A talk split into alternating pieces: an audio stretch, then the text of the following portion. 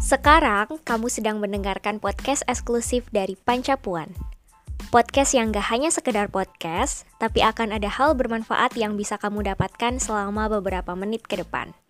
Terima kasih sudah mau mendengarkan. Semoga hari-hari kamu menyenangkan.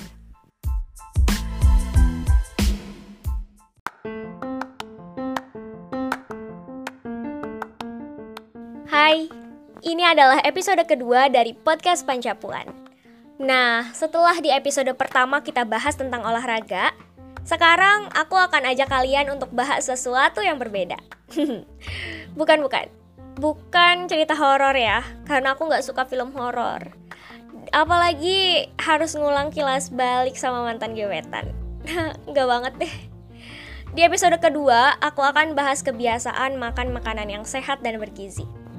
Nah, sebelum kita bahas lebih lanjut, aku mau ngeramal kalian dulu deh. Hmm, pasti di sini ada yang makannya lebih dari tiga kali semenjak di rumah aja. Hmm, pasti ada yang ngambilnya lebih intens semenjak PPKM diperpanjang.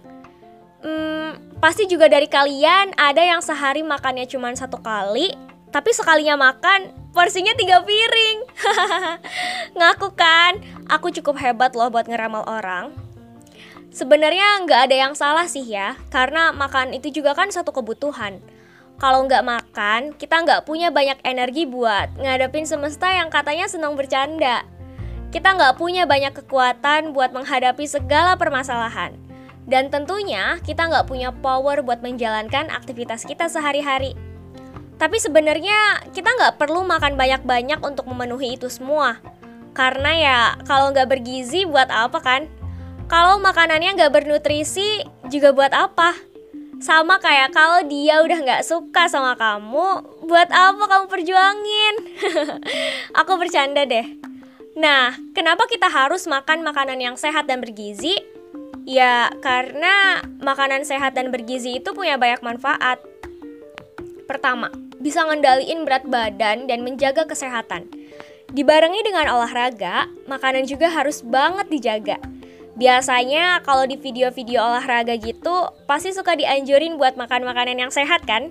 Nah, karena makanan tuh ngaruh banget. Jadi bisa aja kamu udah olahraga rajin-rajin, malah nggak ada hasilnya ya, karena makanan kamu nggak dijaga. Kedua, makanan yang masuk ke dalam tubuh kita dan pola makan yang kita lakuin itu juga ngaruh ke kondisi psikis kita. Makanan dan pola makan yang sehat itu bisa membuat suasana hati kita membaik. Misalnya kayak aku tuh suka banget sama es krim dan ketika aku udah makan es krim, suasana hati aku tuh pasti jadi baik. Tapi jangan diturutin ya, karena apalagi kalau makannya berlebihan, nanti kamu sakit gigi, Nah, menurut sebuah penelitian juga, makanan yang gak sehat tuh salah satu pemicu depresi dan kelelahan.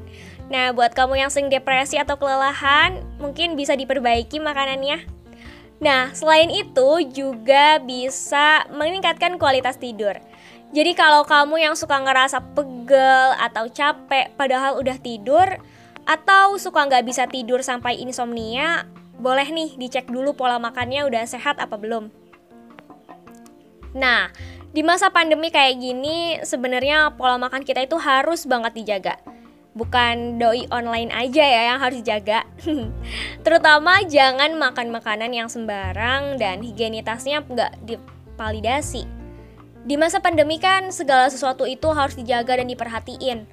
Jadi ya sesibuk apa pun kamu atau semager apa pun kamu buat masak, jangan lupa buat makan deh. Ya beruntung sih orang-orang yang punya doi bisa minta doinya buat masak. Hmm. Tapi kalau kalian lagi single kayak aku, jangan khawatir guys. Sekarang udah ada banyak banget platform yang bisa nuntun kita buat sama-sama belajar cara memasak makanan yang benar dan mengolah bahan makanan yang punya nilai gizi. Jadi, jangan lupa makan ya, jangan sampai sakit.